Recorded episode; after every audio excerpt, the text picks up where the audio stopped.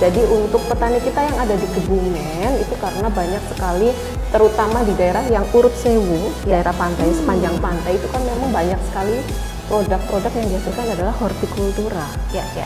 Sepertinya mereka eh, memang tepat ini kehadiran Bu Ajeng gini ya, untuk bertukar informasi Iya. tentang kira-kira apa aja ini yang dibutuhkan oleh petani kita yang ada di Kebumen, terutama eh, atau petani hortikultura deh pada umumnya gitu untuk eh, mengamankan gitu ya istilahnya Panenannya. mengamankan panenannya gitu. Hmm, kita meningkatkan nilai tambah namanya.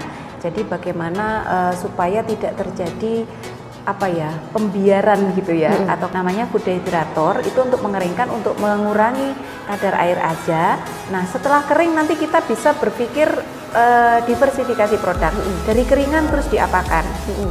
Nah kalau eh, dengan keringan ini eh, kami bikin kalau buah sama bunga bunga edible itu kita buat eh, seduhan. Eh, untuk Jadi kita eh, betul. Jadi branding kita branding bahwa eh, teh kita ngeteh itu tidak dimonopoli oleh daun teh. daun teh Iya. bisa juga dengan bunga. Bisa juga dengan bunga, bisa juga dengan buah-buahan. Buah-buahan. Karena kita ini daerah tropis yang kaya, Kaya bunga-bungaan ya. Tapi bunganya yang edible ya. Selamat datang di panggung penyuluhan Siniar Penyuluh Pertanian Kebumen Sahabat Tani malam ini. Ya Sahabat Tani kita hari ini Maksudnya malam-malam ini Istimewa sekali karena sudah ada beliau yang ada di samping saya Tamu yang sangat istimewa. Kenapa istimewa? Nanti dijelaskan Wah, sudah aplaus juga ini Oke sahabat Tani langsung saja kita sapa beliau. Selamat malam Ibu Selamat malam Mbak Cantik. Aduh, sebenarnya saya agak agak minder nih kalau bersama beliau gitu. Eh. Ya sahabat tani, beliau adalah Dr. Sabtini Mukti Rahajeng SS. Mohon maaf SSI ya, SSI MSI. Langsung saja, mungkin beliau sudah tidak sabar lagi untuk menyapa sahabat tani di rumah. Silakan. Iya, halo assalamualaikum sahabat tani. Eh, jumpa bersama saya, panggil aja Ajeng ya. Eh, Alhamdulillah saya datang dari Malang khusus ke Kebumen buat ketemu sahabat tani semua di podcast Eh, panggung penyuluhan. Panggung Penyuluhan Kabupaten. Kebumen. ya, Sudah, sudah perkenalannya. Ya. Mungkin nanti untuk ah, kayaknya ini dulu deh, kayak Mm-mm. ada yang datang. biar seger. Ya, makasih. Seger-seger, cocok sekali ini. Gitu. Makasih ya Mbak. Oke Bu Ajeng, udah siap ini kopi di depannya beliau Ibu Ajeng kesukaan kopi hitam ya? Iya, kopi hitam. Hmm, Oke. Yang pahit bukan selalu nggak selalu pahit gitu. ya. Yang pahit yang pahit yang pahit. nikmat. Ternyata yang yang pahit, yang nikmat gitu. Hmm, pahitnya kopi. Pahitnya kopi. Memang kalau eh, orang-orang yang bisa menikmati kopi malah justru yang pahit ya Ibu Iya, Ajeng betul, ya? Yang betul. tanpa gula gitu. Terima kasih. Jadi ngomongin kopi nih. Iya. Oke sahabat tani kita ngobrol santai aja ya Bu Ajeng ya. Saya sapa Bu Ajeng atau Mbak Ajeng kayaknya lebih lebih Ah, ini ah. Mbak Ajeng ya Iya, kayak ah, ah. Lebih ini Iya. apa? Emang aku face-nya tuh muda, masih Hmm, muda. gitu. Saya aja jadi minder di sini. Hey, gitu. iya. Kayaknya kita kita sepantaran kayaknya ya. Iya. Kalau nggak salah.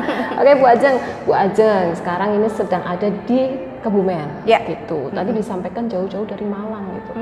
Ini ada apa sih di Kebumen? Ya, kebetulan di Kebumen kita lagi mendampingi Dinas Pertanian Kabupaten Kebumen untuk eh, membentuk atau sebenarnya mengembangkan mengembangkan KIP yang sudah ada di Kebumen ini buat jadi korporasi gitu. Jadi korporasinya nanti supaya jadi kelembagaan usaha tani yang lebih besar ya. Hmm, Eh, apalagi kalau bisa sampai apa ya kayak di sudah legal dilegalkan. Ya PT CV koperasi tapi nanti dilegalkan yang otomatis ini nanti bisa mengangkat kegiatan pertanian ini lebih bisa bersaing ya terutama dengan sektor industri ini yang jadi pesaing nih untuk eh, menarik minat milenial gitu supaya semua ikut bertani. Oke, jadi eh, semacam bimtek juga ya, Mm-mm. bimbingan teknis. Pesertanya ini dari apa ini? Petugas atau petani? Pesertanya ada unsur dari KUB ya, Mm-hmm. KIP yang eh, bentuknya masih KUB, Mm-hmm. kemudian juga eh, didampingi pendamping-pendampingnya. Pendamping Ini terutama kayaknya sasaran SIMUV ini. Oke, program SIM. Oke, jadi betul. ada petaninya juga ya Bu ada, Ajeng ada ya? petaninya, Wah, ya. Petaninya harus ikut. harus ikut malah ya. Justru Iya, yang justru yang utama. utama itu untuk Iya, petaninya betul. gitu. Yang Betul, utama dan iya. petugasnya nanti kita mendampingi Mm-mm, gitu ya. betul Seperti sekali. Saya saya nggak ikut ini sahabat tani. Padahal aku pengen banget loh ikut. eh, saya kangen loh di ini sama Bu Ajeng loh. Aduh. Jadi dulu pernah tahun 2018 kalau nggak Lama salah. sekali. Lama iya. sekali. Saya ketemu saya sudah tua gitu. Hey, Oke Bu Ajeng tadi Ya. eh, pesertanya jadi yang utama adalah petani. Kalau kita eh, mengintip sedikit gitu ya di Kabupaten Kebumen ini sendiri kan memang eh, banyak sekali produk-produk hortikultura. Ya. Hortikultura eh, seperti yang kita tahu hortikultura itu kan eh, tidak tahan lama gitu Ya, ya, cenderung betul. tidak tahan lama. ya. Itu kira-kira kalau misal dari Bu Ajeng sendiri, oh ya saya kenalkan dulu beliau adalah Widya Iswara dari Ya, BPPP Ketindan. Ketindan, Balai Besar Pelatihan Pelatihan Pertanian Pertanian Ketindan. Malang. Ya. Oke. Dan eh, beliau pastinya eh, memberikan ilmu-ilmu ya, menularkan ilmu-ilmu tentang Informasi.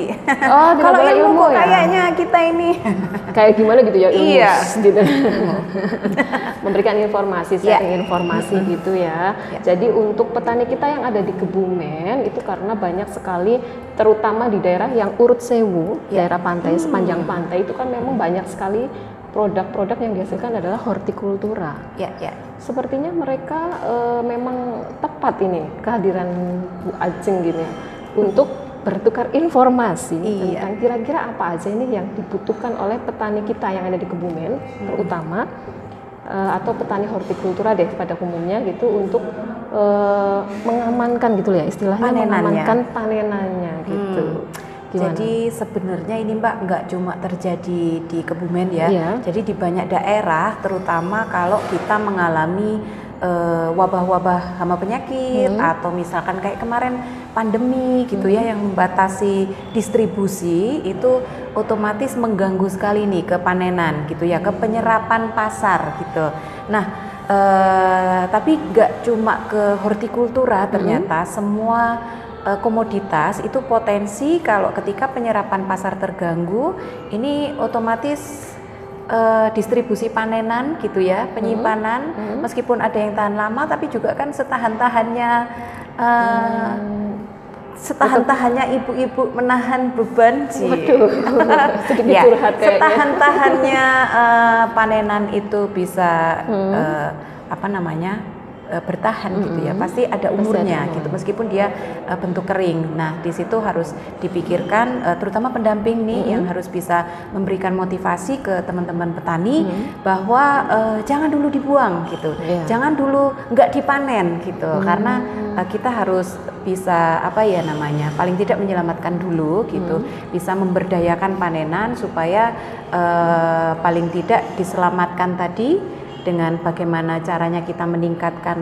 masa simpan baru kemudian pada perjalanan masa simpan ini kita bisa olah untuk memberikan meningkatkan nilai tambahnya sehingga dia bisa eh, bernilai dibandingkan dengan dibuang atau misalkan dia bisa lebih bernilai daripada dijual segar tadi gitu. Jadi karena eh, masa simpan meningkat kan otomatis awet ya. Mm-mm. Kita selain nyimpan lebih lama, kemudian bisa kita tingkatkan fungsinya.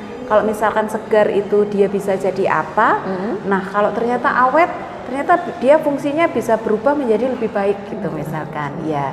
Jadi ada komoditas-komoditas yang kalau disimpan lebih lama ini ternyata mungkin Mm. nilai gizinya bisa meningkat. Meningkat. Heeh. Atau misalkan kopi ini ternyata kalau disimpan lebih lama atau mungkin difermentasi, maksudnya supaya eh, masa simpan ini meningkat, ternyata cita rasanya juga eh, berubah. Berubah. Iya, ternyata berubah ini bisa jadi nilai tambah yang kalau dijual, misalkan kopi yang biasanya ya disangrai biasa Mm-mm. gitu eh, rasanya ya ya kopi ya begitu itu Hmm. ternyata dengan difermentasi sebenarnya bisa meningkatkan nilai tambah itu bisa merubah cita rasa yang bisa jadi komoditas lain oh Hmm. ini kopi rasa ini gitu rasa wine rasa honey Karena gitu ya. fermentasi juga mungkin ya. Betul, nanti bisa menambah apa ya diversifikasi berarti Hmm, yang nanti nilai jadi bisa menjual dari A, B, C gitu. Ada grade-grade-nya tersendiri Grade-grade-nya nanti. iya.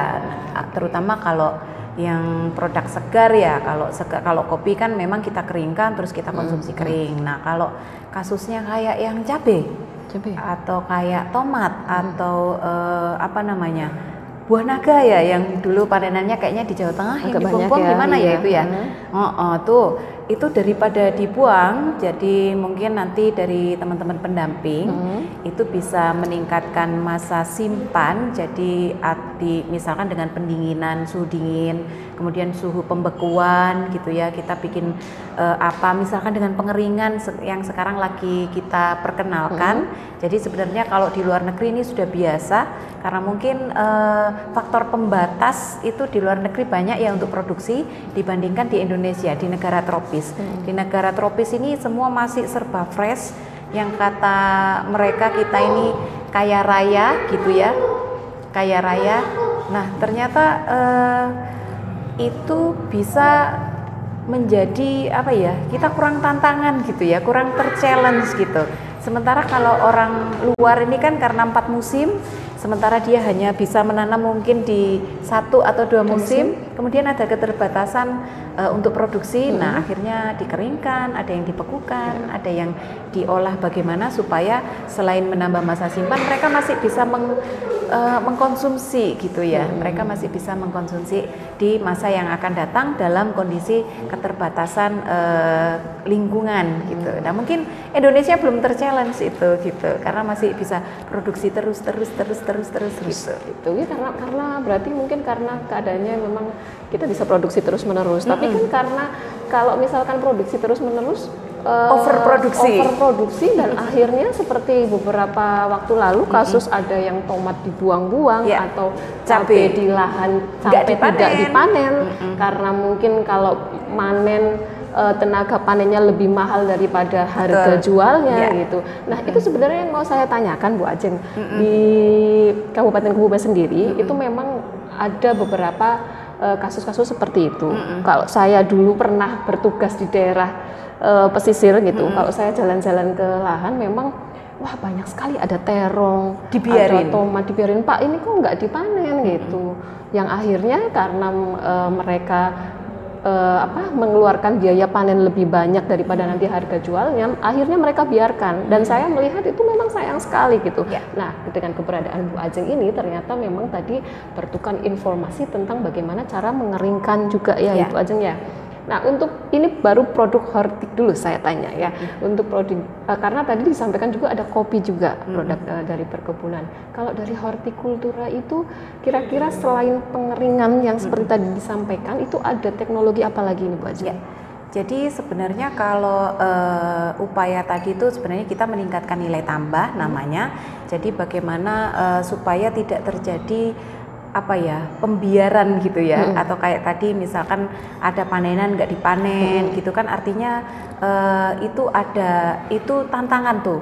Itu tantangan buat eh, petani sendiri terutama pendampingnya buat penyuluh. Ini tantangan diapain nih panenan supaya eh, aduh eh, kasihan ya maksudnya kok kok kita padahal nanam itu ada biaya pupuk ada biaya produksi lah katakan ya.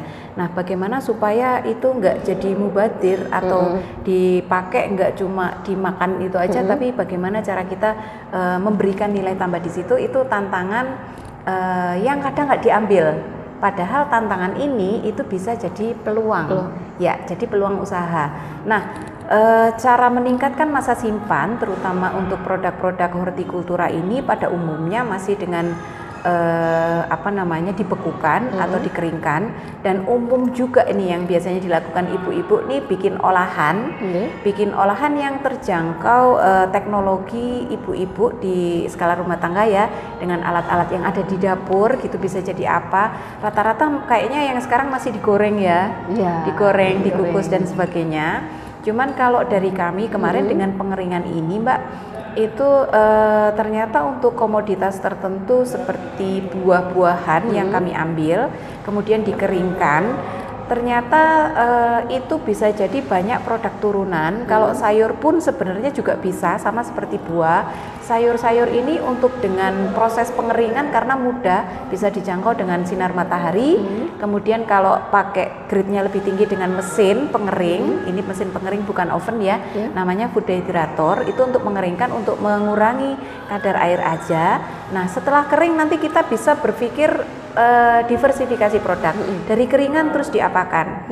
Nah kalau eh, dengan keringan ini eh, kami bikin kalau buah sama bunga bunga edible itu kita buat eh, seduhan. Eh, untuk Jadi minuman. kita eh, betul. Jadi branding kita branding bahwa eh, teh kita ngeteh itu tidak dimonopoli oleh daun teh. daun teh Iya. bisa juga dengan bunga. Bisa juga dengan bunga, bisa juga dengan buah-buahan. Buah-buahan. Karena kita ini daerah tropis yang kaya, Kaya bunga-bungaan ya. Tapi bunganya yang edible ya. Ya. Jadi bukan bunga anu tuh ya, bunga kantil. bunga melati. Eh, melati bisa.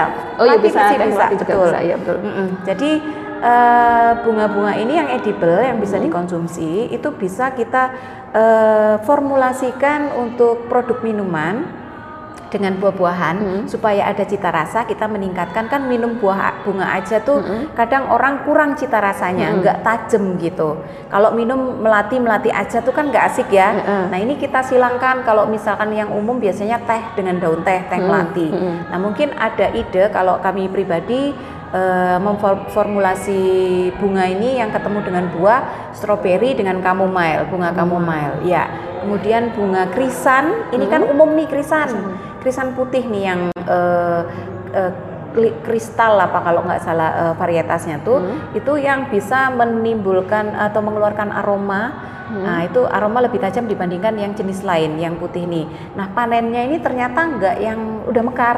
Itu yang banyak bahan aktifnya ternyata yang Yang kuncup. kuncup. Sehingga kan belum sampai kita nyemprot tuh pestisida. Karena jangan sampai kalau memang kita mau minum nih bunga, makan nih bunga yang edible flower ya, harus bebas dari pestisida, Pestisida. terutama yang kimia. Mm-mm. Ya, kalau yang nabi nabati Nabati yang boleh. organik boleh, ya. Jadi eh, yang kuncup kita panen. Nah, ternyata kalau disilang dengan produk eh, buah kering, Mhm. jadi kalau itu kita silangkan kemarin kita formulasikan dengan jeruk. Nah, itu ternyata bisa tuh jadi teh enak gitu, jadi seduhan. Terus yang strawberry chamomile, kemudian kita juga ketemu bunga telang. Bunga telang mungkin ibu-ibu taunya kan bunga telang aja ya warna Ya, biru, nggak ada rasanya tuh mbak. Cuma diambil pewarnanya aja. Cuma diambil warnanya aja. Mungkin jadi pewarna makanan dia bukan teh. Jadi teh ketika dia ada cita rasa yang disuguhkan. Nah, kita campur tuh sama jahe. Kemudian bisa Serai kayak mungkin ya. Serai. Kemudian kalau jahe kan serai sama pandan biasanya. Mm-mm. Nah, jadi wedang kayak wedang uwuh kan merah tuh. Ya, nah, sekarang kalau kita punya biru. uwuh, iya yang biru, cantik. Iya. Mas, misalkan kita mau eh, kasih cita rasa asem, nanti warnanya beda jadi ungu. Nah, kita Ditambahin kasih jeruk. Iya, kita kasih jeruk nipis, lemon bisa. Nanti dimasukin nanti warnanya kayak gini. Kayak gini kan sebenarnya idenya jadi eh, dari seduhan buah, cuman ini segar. Tapi kalau segar kan nggak tahan lama, Mbak. lama. Betul. Nah, kalau keringan bisa sampai setahun gitu kalau ngeringinnya bagus eh, bisa tuh tahan nggak nggak kontam gitu. Oke, luar biasa sekali sahabat tani ternyata banyak sekali ya yang Ya. bisa kita gali atau Dari keringan eh, aja. Dari keringan aja. Nah, yang mau saya tanyakan kalau misalkan dari produk segar dijadikan produk kering untuk nilai gizinya gimana itu Bu Ajeng? Ya, nilai gizi eh, biasanya hilang yang eh, dia bahan-bahan aktif yang terikat air gitu ya. Tapi kebanyakan sih eh, kayak bahan aktif gitu dia tahan pemanasan, terutama kalau pemanasan cuma dengan pengeringan. Mungkin dia sensitif kalau kena sinar matahari. Karena ada radiasi-radiasi gitu ya yang eh, biasanya akan bereaksi kalau dengan bahan aktif. Tapi kalau dengan mesin ini kita eh, mencegah yang seperti itu. Jadi eh, memang ada kehilangan kalau tidak salah saya baca di literatur karena saya tidak menguji dari produk yang kita eh, buat, kita formulasikan belum sampai ke sana. Jadi yang penting kita kemarin selamatkan dulu kemudian bikin diversifikasi supaya laku gitu. Supaya ada cuannya dulu gitu. Iya. Jadi meskipun sayur kering, aduh sayur kering diapain? Apalagi ibu-ibu kalau kita punya pekarangan cukup kan nggak perlu itu masih yang kering gitu. Eh, jadi masih kita masih ini yang segar gitu. Tapi ternyata belajar dari mie instan ya, Ya. di dalamnya mie instan itu kan ada, Ada sayur, sayur kering. kering. ya. Ternyata kalau dituang ya jadi sayur juga gitu. Nah dari situ eh, kita formulasikan keringan sayur-sayur ini. Oh oke, coba kita bikin sup ya. Eh, jadi wortel, kubis, brokoli mungkin ya. Ya. Itu nanti bisa yang kering-kering ini kita campur kita kasih juga ada bihunnya, sounnya, terus ada seafoodnya itu bisa juga dikeringkan tuh ikan-ikanannya. Ikannya juga kering Mm-mm. juga ya. Jadi kita bikin eh, kimlo instan, nanti tinggal kita didihkan air, ya. masukkan semua tuh bisa Jadi jadi, kimlo. gitu. Mm-mm. Tapi kan instan ya. Instan. Nah, kalau misalkan nilai gizi tadi ada yang berkurang walaupun sedikit, kalau cita rasa gimana, Bu Ajeng? Kalau cita rasa eh, saya temukan kalau cita rasa di bahan kering ini cenderung yang hilang ini eh, zat anti gizi itu yang bikin rasa langu kalau orang Jawa bilang. Langu. Eh, langu tuh apa ya bahasa Indonesianya ya? Rasa asli, ya? rasa segarnya tomat, aroma segarnya cabe. Nah, itu ada rasa khas ya kalau bahan mentah, aroma bahan mentah. Kalau eh, ibu-ibu biasanya kalau sambal mentah tuh kan masih ada bau. Langu. Ya, itu langu itu nanti apa Balik ya bahasa lagi ke langu -nya? ya ternyata. ya, lenju, lenju. Oh, itu bahasa Lenju. Inggrisnya. Ada langu gitu. ya, langu ya. Iya. Jadi bahasa eh apa kau bahasa. Jadi bau-bau masih bau segar tuh itu hilang. Jadi Hilang. jadi bau gurih. Oh, gitu. Jadi tomat kemudian cabe itu jadi gurih. Jadi eh, saya rasa itu dari zat anti gizi ya yang ketika kita olah itu akhirnya eh, jadi lebih rasanya itu lebih keluar. Keluar. Iya betul. Eh, kemudian kalau kita kasih minyak panas artinya kan kita olah dengan penggorengan gitu ya. Itu eh, selain dia cita rasa keluar itu mm, tahan lama gitu. Mungkin karena tadi pertumbuhan bakteri sudah kita tekan dengan pengeringan pertumbuhan bakteri pembusuk itu ya yang bikin cepet basi. Nah itu akhirnya eh, kalau kita olah nanti saya pernah bikin sambal geprek tuh saya biarkan di suhu ruang satu minggu itu masih nggak apa-apa sambal gepreknya Nah, jadi dari keringan tapi saya nggak tahu ya kalau Itu cabenya kering berarti tadinya? Iya, Hmm, cabenya cabai kering. Iya, jadi beda dengan kalau misalkan sambal geprek kita pakai Pakai cabai cabai segar. segar. Hmm, Nah, jadi beda. masih ada kadar air di situ meskipun kita sama-sama kita tuangi minyak panas kan. Hmm. Nah, cuman kalau yang ini lebih eh, berkaramel yang Hmm. yang sambal geprek dengan cabai kering ini karena mungkin ya dari faktor gulanya juga Gulanya. yang ditambahkan tuh kan tapi dengan kadar air yang enggak ada akhirnya kan dia jadi eh, akhirnya Lebih dibiarkan awet. Heeh, kalau dibiarkan kan kadar air juga menguap ya di sambal. Dia cuma lengket aja gitu. Tapi eh, nggak ada perubahan rasa atau dia jadi basi menuju basi itu belum belum, tampak ya, terus tapi habis. Di suhu ruang bisa sampai satu minggu. Iya, gitu ya. tahan tuh sambalnya. Dan eh, gini, kalau misalkan tadi kan disampaikan kalau untuk eh, meningkatkan nilai tambah bisa dikeringkan. Kalau untuk bagi petani sendiri, kira-kira tadi kan dikeringkan kalau misalkan dari pakai Matahari. matahari itu kan ada Ada resiko. ada resiko. Nah tadi disarankan untuk menggunakan mesin pengering. Mesin pengeringnya itu kira-kira terjangkau nggak kalau buat petani yang Ya. eh, petani saja gitu? Nggak Anu, nggak ada industri rumah tangga nggak- ya? ya skala Heeh. eh, bel- belum ini. Mm-mm. Jadi sebenarnya kalau mesin pengering ini pun bisa dibuat sendiri. Jadi eh, bapak-bapak mungkin bisa bantu ibu-ibu, ibu-ibu sendiri juga bisa. Saya dulu juga sebelum beli mesin pengering itu eh, saya bikin dari kardus, bapak ibu dari kardus yang eh, apa namanya yang besar ya, kar- kardusnya kulkas, kardusnya rokok tuh yang eh, agak besar gitu ya. Nah itu kita lapisin aluminium foil. Jadi kayak prinsipnya mesin penetas telur, kita pakai lampu. Nanti dari lampu berapa biji tuh kita cek sama termometer yang 10 ribuan tuh dari yang ada air raksanya yang Iya. di toko bahan kimia itu ada termometer ibu-ibu sobat tani semua. Jadi itu ada eh, kita cek dulu nanti oh ternyata dengan luasan kardus sekian tuh bolam 3 yang 10 watt atau mungkin pakai 6 watt atau berapa gitu ya. Nah, ternyata itu bisa mencapai suhu matahari paling enggak 50 derajat gitu ya. 50 derajat. Ah, ah. Nah, itu nanti supaya mencegah kalau kita mengeringkan di situ supaya tidak menguap, itu kita kasih blower, kita kasih kipas, Ah, ah, supaya eh, nanti air yang terbentuk dari dia menguap dari bahan tuh Langsung ke eh, ke- langsung oh. dia kering karena ditiup gitu ya. Ditiup, Ah, ah.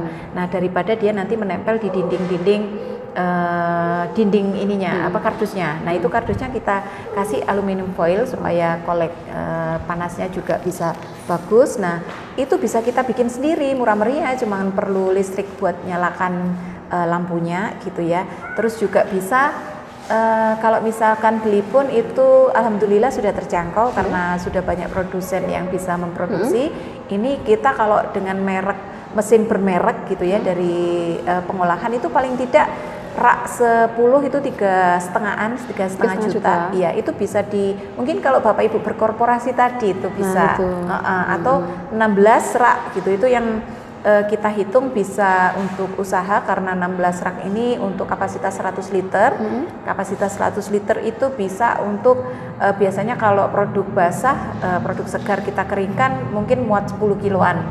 Mm-mm. Jadi skala rumah tangga bisa pakai itu dan harganya masih terjangkau ya masih mungkin tiga delapanan ya dia tahan lama. Jadi kalau dihitung eh, pengembalian investasinya tuh dia bisa cepet balik gitu. Oke. karena harga jual produknya Jualnya nanti kan lebih tinggi. Nah, itu iya. tadi yang mau saya tanyakan ini analisis usahanya nanti ketemunya gimana? Apakah lebih efisien kah atau bagaimana? Jadi ternyata sahabat tani untuk alatnya jangan khawatir bisa bikin untuk pemula ya. Ajeng ya. Untuk pemula tadi sudah disampaikan teknisnya dari cuma dari kardus lapisi aluminium aluminium foil, kemudian ada bohlam lampunya. Jangan lupa diukur suhunya paling tidak 50 derajat. Iya, suhu paling tidak matahari. 50 derajat. Nah, untuk dalam suhu 50 derajat kira-kira untuk pengeringan eh, cabai deh, misal cabai itu bisa berapa lama itu Ajeng? Kalau kita suhunya stabil, kalau misalkan suhunya stabil, kalau saya sih saya naikkan jadi 60 supaya efisien tuh biasanya kita eh, sekitar 6 jam. Itu sampai 6 sampai 7 jam. Itu yang jadi sampai sering-sering gitu yang kemeripik ya kalau orang Jawa bilang. Itu bisa sampai kering sekali yang nanti eh, bisa tahan lama gitu. Tapi pengeringan itu tergantung atau eh, iya tergantung dari tujuan eh, ibu-ibu nanti ngolah, bapak-bapak nanti ngolah mau dijadikan apa. Jadi kadang ada yang memang kadar airnya tidak dihabiskan sampai Sampai kering banget. Iya, ya. kering banget yang sampai eh, kemeripik tadi ya, sampai sering-sering gitu sahabat tani. Nah, dia biasanya oke sampai kayak eh, apa namanya? steril gabus ya. Jadi yang dia cuma kering kayak Agak. ini eh, kurma. Iya, Oh, jadi iya. supaya masih bisa dinikmati digigit enak eh, atau jelly, mungkin karena memang untuk mengeringkan manisan gitu ya. Oh, iya. Ah, ah, jadi kita gulain dulu. Misalkan nih jambu kristal itu kan eh, cenderung rasanya kurang ya, rasa jambunya. Nah mungkin kita tambahin perasa, kemudian ditambahin gula sedikit supaya agak manis, kemudian kita keringkan. Nah produknya nanti ini jadi kayak manisan jambu kristal Jambu kristal. sebenarnya, tapi eh, kita nyebutnya jambu kristal kering atau jelly jambu kristal, tapi tanpa menambahkan eh, bahan-bahan lain. Kalau jelly kan bayangannya udah kayak Ada tambah- tepung agar-agarnya. Mm, agar-agar dan sebagainya. Tapi ini murni dari buahnya. Untuk nilai tambah aja gitu. Manisan tapi nggak terlalu manis karena orang-orang kalau sekarang kan sudah aware diabetes dan sebagainya Nah, ya. dia, Mm, kayak kalau manisan kan, ya. biasanya nggak bisa banyak ya, nggak habis banyak gitu. Atau mungkin bikin soft candy. Iya, permen Permen, kering, ya yang jelly empuk, juga uh, uh, gitu ya. soft candy dari eh, mungkin jambu kristal ini karena eh, dia cita rasanya kurang sehingga mungkin di boosting ya Hmm. eh, kita bikin eh, soft candy untuk jambu kristal supaya ditambahi pewarna, Hmm. ditambahi perasa jambu supaya lebih kuat gitu ya, tambahin gula dikit gitu. Jadi supaya jadi eh, permen jambu tapi bahannya dari bahan alami gitu. Oke Bu Ajeng bisa diminum dulu silahkan. Oke. Kayaknya kita dari tadi ngobrol terus. Kayaknya aku haus. ya, silahkan dinikmati dulu. Iya. Sahabat tadi sambil menunggu Ibu Ajeng beliau menikmati eh, minumannya yang kopi pahit. Ini gitu. harus ada ah gitu enggak minum kopinya. kayaknya lebih afdol gitu. ah, gitu. Biasanya kan kalau eh, kita promo-promo kopi kan minumnya pakai ah Kayak, ah gitu biar menarik Iya, gitu. betul. Ya, ternyata memang promosi itu memang Iya. harus yang menarik gitu kayak kayak ini eh, jadi teknologi ini memang kita eh, dari Bu Ajeng itu sebisa mungkin tuh dikemas supaya petani itu kayak peserta terutama peserta yang pada hari ini tadi ya tadi ya hari ini tuh tertarik untuk eh, ini terutama nanti tujuannya goalnya nanti ke corporate berarti ya Ya, Corporate. jadi eh, kita kenapa saya pilih pengeringan itu karena dia bisa menyelamatkan produk massal, masif. Mm-mm.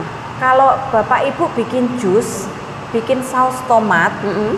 bikin apalagi yang olahan basah ya, eh, fermentasi-fermentasi gitu ya. Hmm. Itu mungkin belum bisa banyak yang diselamatkan, tapi eh, dengan pembekuan atau pengeringan, kalau pembekuan Bapak Ibu eh, alatnya biasanya lebih ini ya, eh, mungkin mahal untuk eh, freezer. Tapi kalau dengan eh, mesin pengering ini misalkan mau ditingkatkan juga, mau pakai sinar matahari, tapi kita pakai pelindung, mungkin sunroof gitu ya, Iya. untuk mengurangi eh, tadi eh, apa efek sampingnya kalau kita mengeringkan pakai sinar matahari. Nah ini kita bisa langsung tontonan, bisa langsung banyak, Banyak. jumlahnya yang bisa kita keringkan. Dan dari pengeringan ini biasanya kalau sayur, buah, eh, perishable product ini uh, kadar airnya tinggi, jadi hilangnya itu uh, rendemen ya, itu uh, cuma belasan persen, jadi hmm. 16 persen, 10 persen. Jadi kalau dari satu satu ton, kemudian 10 persennya kan jadi cuma tinggal berapa?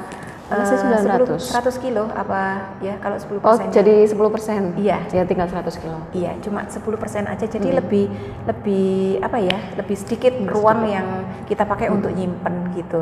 Paling hmm. tidak diselamatkan dulu bisa hmm. disisihkan kayak cabai kan hmm. daripada dibuang kita keringkan dulu. Keringkan dulu uh, untuk nilai tambah supaya jadi uang itu berikutnya bisa kita pikirkan. Hmm. Jadi uh, yang penting selamat dulu gitu ya. Jadi hmm. kayak kita apa pun kalau ada kondisi uh, yang menjadi tantangan yang menjadi kayak kita misalkan naik kendaraan ya uh, waspada ada dulu waspada gitu ya. ya. Jadi uh, yang penting selamat dulu, selamat dulu gitu. Nah gitu. setelah itu baru kita pikirkan kita berikutnya. berikutnya. Iya, gitu. jadi selamat. Uh, kemudian jadi produk oke, okay, jadi sayur instan tadi, sop instan hmm. atau ada lodeh instan hmm. mungkin yang khas Kebumen yang ada bahan hmm. yang di tempat kita nggak ada kecombrang nih. Kayak kecombrang itu kan di Jawa Timur kayak kita nggak pernah tuh masakan ada kecombrangnya. Oh, ada ya? Nah mungkin memang nggak ditumbuhkan atau karena memang nggak suka, tapi ternyata ada kecombrang kering hmm. yang kami bisa beli gitu, hmm. yang nggak usah bisa datengin seger-seger yang hmm. ternyata kalau uh, dikirim ke Malang dari Jakarta mungkin yang di Jakarta umum ada kecombrang dia dikirim ke Jakarta tiga hari layu gitu mungkin ya hmm. tapi kalau kering, kan, kan oke okay, nanti di ini kita olah lagi jadi saya bikin bisa bikin sambal kecombrang ala Malang gitu Tuh, nah itu misalkan kayak gitu. kita yang penting adalah menyelamatkan produk kita dulu. dulu. Nah untuk analisis usahanya kita hitung uh, berikutnya ya, berarti iya. ya kita hitung berikutnya. Nah kalau Bu Aceng sendiri itu sudah pernah melakukan hitung-hitungannya atau belum nih? Udah. Ini. Gimana nih? Kalau dari kita contohkan di petani kecil aja dulu ya, karena kita kan uh, mulai dari petani kecil dulu. Dicontohkan untuk petani kecil dengan skala uh, produksinya sekian, belum yang besar, terus menggunakan pengering misalkan dari yang bikin sendiri atau yang beli sudah jadi sekitar harga tiga setengah juta, kira-kira efisien nggak? Dengan harga sekali. jual, iya. dengan harga jual. Iya. Jadi kita waktu pandemi itu udah nyoba uh, sampai sekarang pun juga masih sebenarnya banyak pesanan, cuman saya aja yang uh, kemudian jadi sempat ada ini ya sehingga usaha kita hentikan dulu karena saya harus uh, tugas ke Jakarta, sempat mm -hmm. ke Jakarta Nah, uh, sehingga sekarang mulai kita bangun kembali. Jadi dulu itu kita sudah pernah jual desain ini, kita kerjasama juga dengan kafe-kafe. Jadi ternyata teman-teman di Batu ini kan banyak usaha iya. wisata yeah. ya. Yeah. Nah itu sasaran empuk gitu untuk hmm. untuk produk-produk uh, yang seperti ini. Itu kita bikin minuman itu ya, yang desain tadi uh, seduhan dari buah dengan bunga hias, uh, bunga edible. Nah ini Uh, jadi kalau pernah kita hitung dengan harga saya jual per pack uh, lima 15.000 ribu itu berapa gram ya saya lupa jadi uh, satu pack yang satu seduhan itu bisa hmm. satu cangkir yang hmm. uh, 600 mili hmm. gitu jadi bisa teko kecil hmm. gitu nah itu kita jual sekitar 15.000 kemudian kalau saya hitung persen nilai tambah jadi persen keuntungan itu kalau dikeringkan biasa tanpa kita jadikan produk desain mungkin keuntungannya uh, hanya 22% sampai 70 persenan. Tapi ketika kita jadikan desain, hmm. saya bisa meningkatkan keuntungan sampai, sampai 99 persen.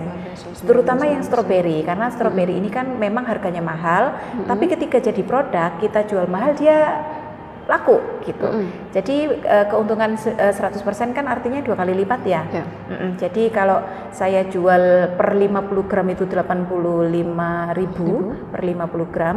Nah nanti uh, biasanya seduhan itu sekitar 5 graman ya untuk satu cangkir. Uh, kalau misalkan dari teko itu mungkin 15 graman. Jadi kalau 8 50 gram berarti kalau 15 graman bisa berapa kali tuh tiga kalian ya tiga teko ya nah tiga teko dengan harga 85.000 Uh, berarti 85.000 dibagi, dibagi tiga, berapa? Ya sekitar 30 kurang. 30 ya. ya. 30 satu teko, itu kafe satu teko untuk yang stroberi itu jualnya kan 95.000. Mm -hmm. Misalkan seperti mm -hmm. itu ya. Jadi kafe kan uh, kalau cangkir kan kecil ya itu mungkin yang kita eh, dua puluh lima ribu gitu ya, tiga puluh ribu yang satu cangkir cantik Cangkir. gitu ya, bisa dingin, bisa eh, yang panas gitu.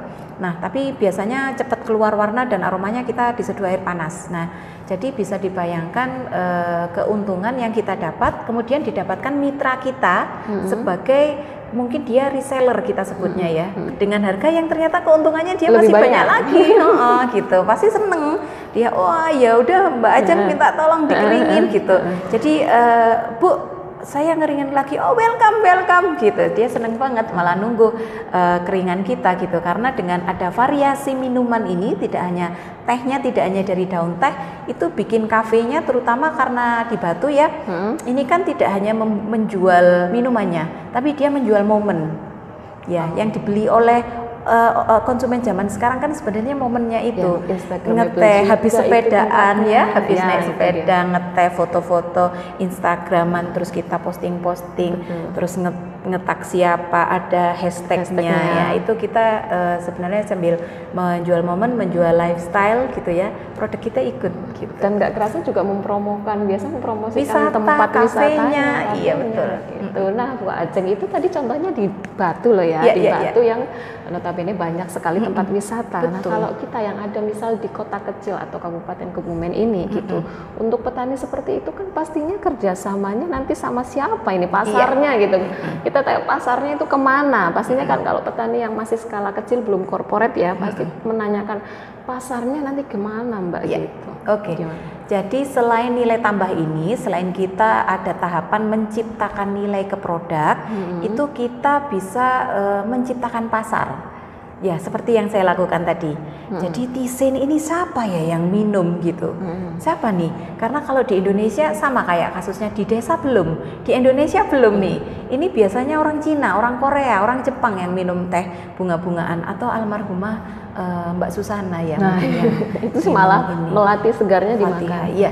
Jadi eh, bunga-bungaan itu masih dikonsumsi beliau gitu ya. Oh, nah, gitu. yang sekarang mungkin bagaimana caranya kita menjadikan ini lifestyle gitu. Mm-mm. Nah, tadi jadi kita harus menginfluence gitu ya selain dari promosi-promosi yang kita lakukan dari kafe-kafe dan resto kalau di lokasi Malang kan gampang. Kalau di Kebumen atau di desa eh, bukan berarti Kebumen itu desa ya. Maksudnya kalau wilayah pedesaan gitu gimana? Berarti kita harus create eh, pasar gitu yang kalau eh, apa cara ngeteh itu belum kita belum bisa kita tularkan ke sekitar biasanya mungkin kalau saya dari ibu-ibu PKK atau pertemuan PKK lah ya oke kita, minumnya sosial. ini dulu Oh, ya ibu-ibu di ini dasa dulu. wisma lah yang terkecil 10 rumah. Kalau kita dasa wismaan yuk yuk yuk kita tehnya ini gitu. Eh, oh ini apa kita perkenalkan. Terus oke belinya di mana? Di saya gitu. Itu yang paling sederhana. Jadi atau pertemuan di kelurahan pertemuan BPP ini ini ini ini saya punya produk. Ayo kita ngeteh gitu. Ayo ngeteh ke rumahku gitu. Jadi memang ada biaya di situ. Wah nanti ini dong. Nah itu kita spare ke biaya promosi Mm-mm. Jadi kita dari biaya keuntungan itu eh, kita untuk biaya reseller itu yang kita bisa jual sendiri kita pakai untuk promosi melalui yang begitu-begitu kita bagi-bagi selain nanti bentuknya kayak Jumat berkah ya gitu ya. Nah itu nanti eh, dari situ kita men- menginfluence eh, jadi lifestyle gitu ya. Oke kita ngeteh sekarang nggak harus daun teh kita ngeteh pakai ini. Terus yang kedua kita jual online. Oh iya. Iya, online itu untuk menjangkau pasar di luar, luar wilayah wilayah kita. Mm-mm. Karena nanti eh, lebih luas jangkauannya, jadi tidak hanya dalam negeri, biasanya malah justru eh, ekspatriat gitu ya, orang-orang luar negeri yang di sini atau memang orang luar negeri yang tertarik Tertarik. gitu. Jadi kita eh, dari di medsos-medsos atau di langsung eh, apa namanya? apa tuh eh, ini Marketplace. online marketplace betul. Nah, kita promokan di situ. Ya, terutama mungkin kalau eh, kalau zaman sekarang ya kalau saya lihat memang eh, sosialitas sosialita gitu ya. Ya. Kita promokan itu pastinya juga nanti wah arisan bareng terus kita suguhkan itu. Betul tadi yang disampaikan oleh Ibu Ajeng memang harus tetap promosi gitu ya memang gitu. Eh, dan ini kayaknya banyak sekali yang harus kita obrolkan Bu Ajeng. Ya. Kayaknya kita harus ketemu lagi deh besok. Cuman ini karena waktunya juga mungkin Bu Ajeng juga sudah harus istirahat kira-kira nih tadi sudah disampaikan banyak hal sekali ya banyak sekali hal yang uh, bisa mungkin dicontoh oleh petani. Sayangnya kita nggak ada praktek ya Ibu ya? Kita kita nggak nggak menyuguhkan iya, gimana ada, ada nggak ada contohnya ini, ini juga sebenarnya gitu. contohnya ini. Ini contohnya ini ya ini ya. dari buah naga ya uh, uh, kalau misalkan saya sebenarnya pengen sekali loh ikut caranya saya mengeringkan. dari dari, dari teman-teman tadi itu lihat ada status-statusnya cara mengeringkan apa sayur-sayuran gitu saya pingin gitu. Cuman apalah daya gitu saya sudah jauh nun jauh di sana gitu. Dan sahabat tani mungkin ada pesan-pesan khusus dari Ibu Ajeng untuk petani kita terutama untuk petani hortikultura yang uh, tadi uh, produknya berlebih-lebih gitu. Ya. Itu gimana coba ya jadi uh, ini sebenarnya tidak hanya untuk petani, hmm. sobat tani, jadi terutama untuk pendamping oh, nih, pendamping ini yang iya yang harus struggle gitu ya, hmm. yang harus memperjuangkan, memotivasi teman-teman petani supaya nggak sampai uh, nesu tadi ya dibuang-buang, nggak sampai nggak dipanen gitu ya. Uh, jadi um, mungkin kayaknya kayak pantun nih yang saya kasih jadinya nih Mbak. Boleh, oke. Okay. ya.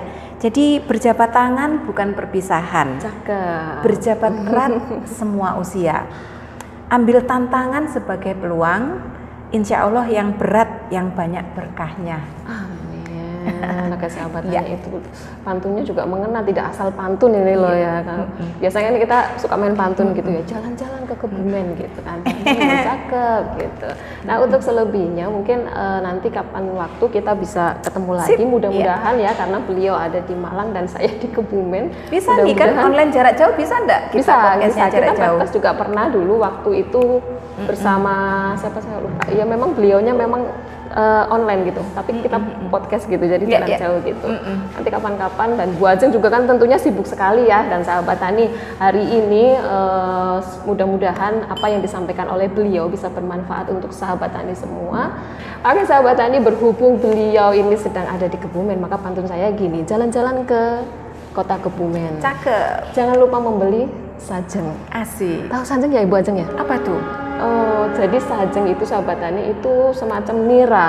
Oh, nira iya. yang jadi minuman. Oke, okay, Yang okay. bisa di, biasa dijual di pinggir jalan di uh, sepanjang kita mau ke Pantai Ayah. Oh, iya iya. Ya, iya, itu iya, ada di pinggir jalan memang itu hmm. salah satu oleh-oleh dari Kebumen, mm -mm. tapi itu nggak tahan lama juga itu Bu oh. Ajeng. Jadi ini pantunnya ada, jadi panjang ini. karena karena tadi saya nanya uh, siapa tahu nggak tahu sajeng hmm, karena itu kan betul, bahasa betul, sini gitu hmm. bahasa sini jadi hmm. mungkin juga nantinya ada inovasi baru teknologi untuk, untuk mengawetkan sajeng itu. Ya, ya siap. Minuman kembali, ya? Minuman. Hmm. dan kembali itu, ke pantun.